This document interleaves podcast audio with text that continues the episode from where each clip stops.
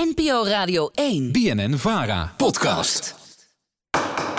OO Den Haag. Ja, iets heel anders nu. Elke dinsdag beantwoordt de politieke redactie een politieke luisteraarsvraag. En vandaag, wie bepaalt welke vragen er gesteld worden tijdens het wekelijks vragenuurtje in de Tweede Kamer? De Nieuws-PV. De vraag Aan Den Haag. Het is weer dinsdag, dus zoeken wij de antwoorden op jouw politieke vragen. En vandaag is dat deze. Wie bepaalt er welke vragen er gesteld worden tijdens het vraaguurtje? Nu is het natuurlijk reces, maar de rest van het jaar is dit iedere dinsdag het begin van de politieke week. 22. Aan de orde is het mondelinge vragenuur. Ik heet de minister voor Lang. Voor het antwoord op de vraag ga ik op zoek naar Paul van Menen van D66. Naast Tweede Kamerlid valt hij ook wel eens in als voorzitter. Hij weet dus ongetwijfeld het antwoord. Meneer Van Menen, het vragenuurtje. Iedere week mogen Kamerleden zo'n 3 à 4 vragen stellen. Wa- Waar gaan die zo al over?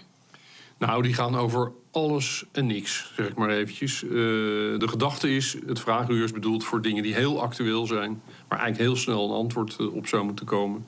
en die ook belangrijk zijn. En heeft u enig idee hoeveel er iedere week binnenkomen? Ja, ik heb ook nog speciaal even voor dit mooie programma natuurlijk geïnformeerd... van hoeveel is dat ongeveer. En ik mag ervan uitgaan dat er elke week zo'n 40 vragen eh, binnenkomen. En als je dat vergelijkt met nou ja, 25 jaar geleden... dan kwamen er acht vragen binnen, waarvan er vier eh, gehonoreerd werden. Dus de helft. En nu zijn het er drie, soms maar twee van de 40 omdat we ook zoveel fracties hebben. Want ook de andere fracties mogen dan vragen stellen. Dus eh, de kans dat je raakschiet is heel klein En, en wie kiest er uit? de voorzitter van de Kamer. Dus dat is nu Vera Bergkamp. En eh, daar heeft ze wel een eh, methode voor om dat, eh, eh, om dat te doen. Dus je moet je voorstellen dat elke vraag die binnenkomt... eh, die heeft natuurlijk betrekking op een bepaald ministerie... op een bepaalde minister of staatssecretaris... op een bepaalde portefeuille. En dan gaat de griffie van de commissie die zich daarmee bezighoudt... die gaat kijken... Goh, eh, zijn er misschien net debatten geweest over dat onderwerp? Of komt er binnenkort een debat? Zo vallen er al een heleboel eh, meteen af. Eh, dan kijkt ze naar hoe actueel is het eigenlijk. Is het nou iets wat per se deze week moet? Of kan het ook over een jaar bij wijze van spreken of over een maand? Hoe urgent is het? Is het nou een vraag die heel snel beantwoord moet worden? En het vierde criterium is... hoe zwaar is het eigenlijk? Hè? Dus, dus kijk, als bijvoorbeeld een fractievoorzitter een vraag indient... dat gebeurt niet zo heel vaak, maar dan wordt die vaak wel gehonoreerd. Ja, en ook als Kamerlid. Stel dat nou keer op keer iedere week je vraag wordt, wordt geweigerd. Dat is balen. Ja.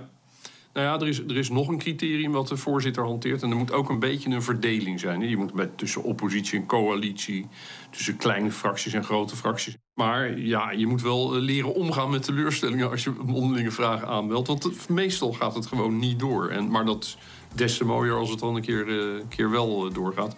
Dus je moet echt goed je goed doseren, niet te vaak een, een vraag indienen. Maar als die er is, dan moet die ook echt goed zijn. En dan moet eigenlijk de voorzitter er niet omheen kunnen.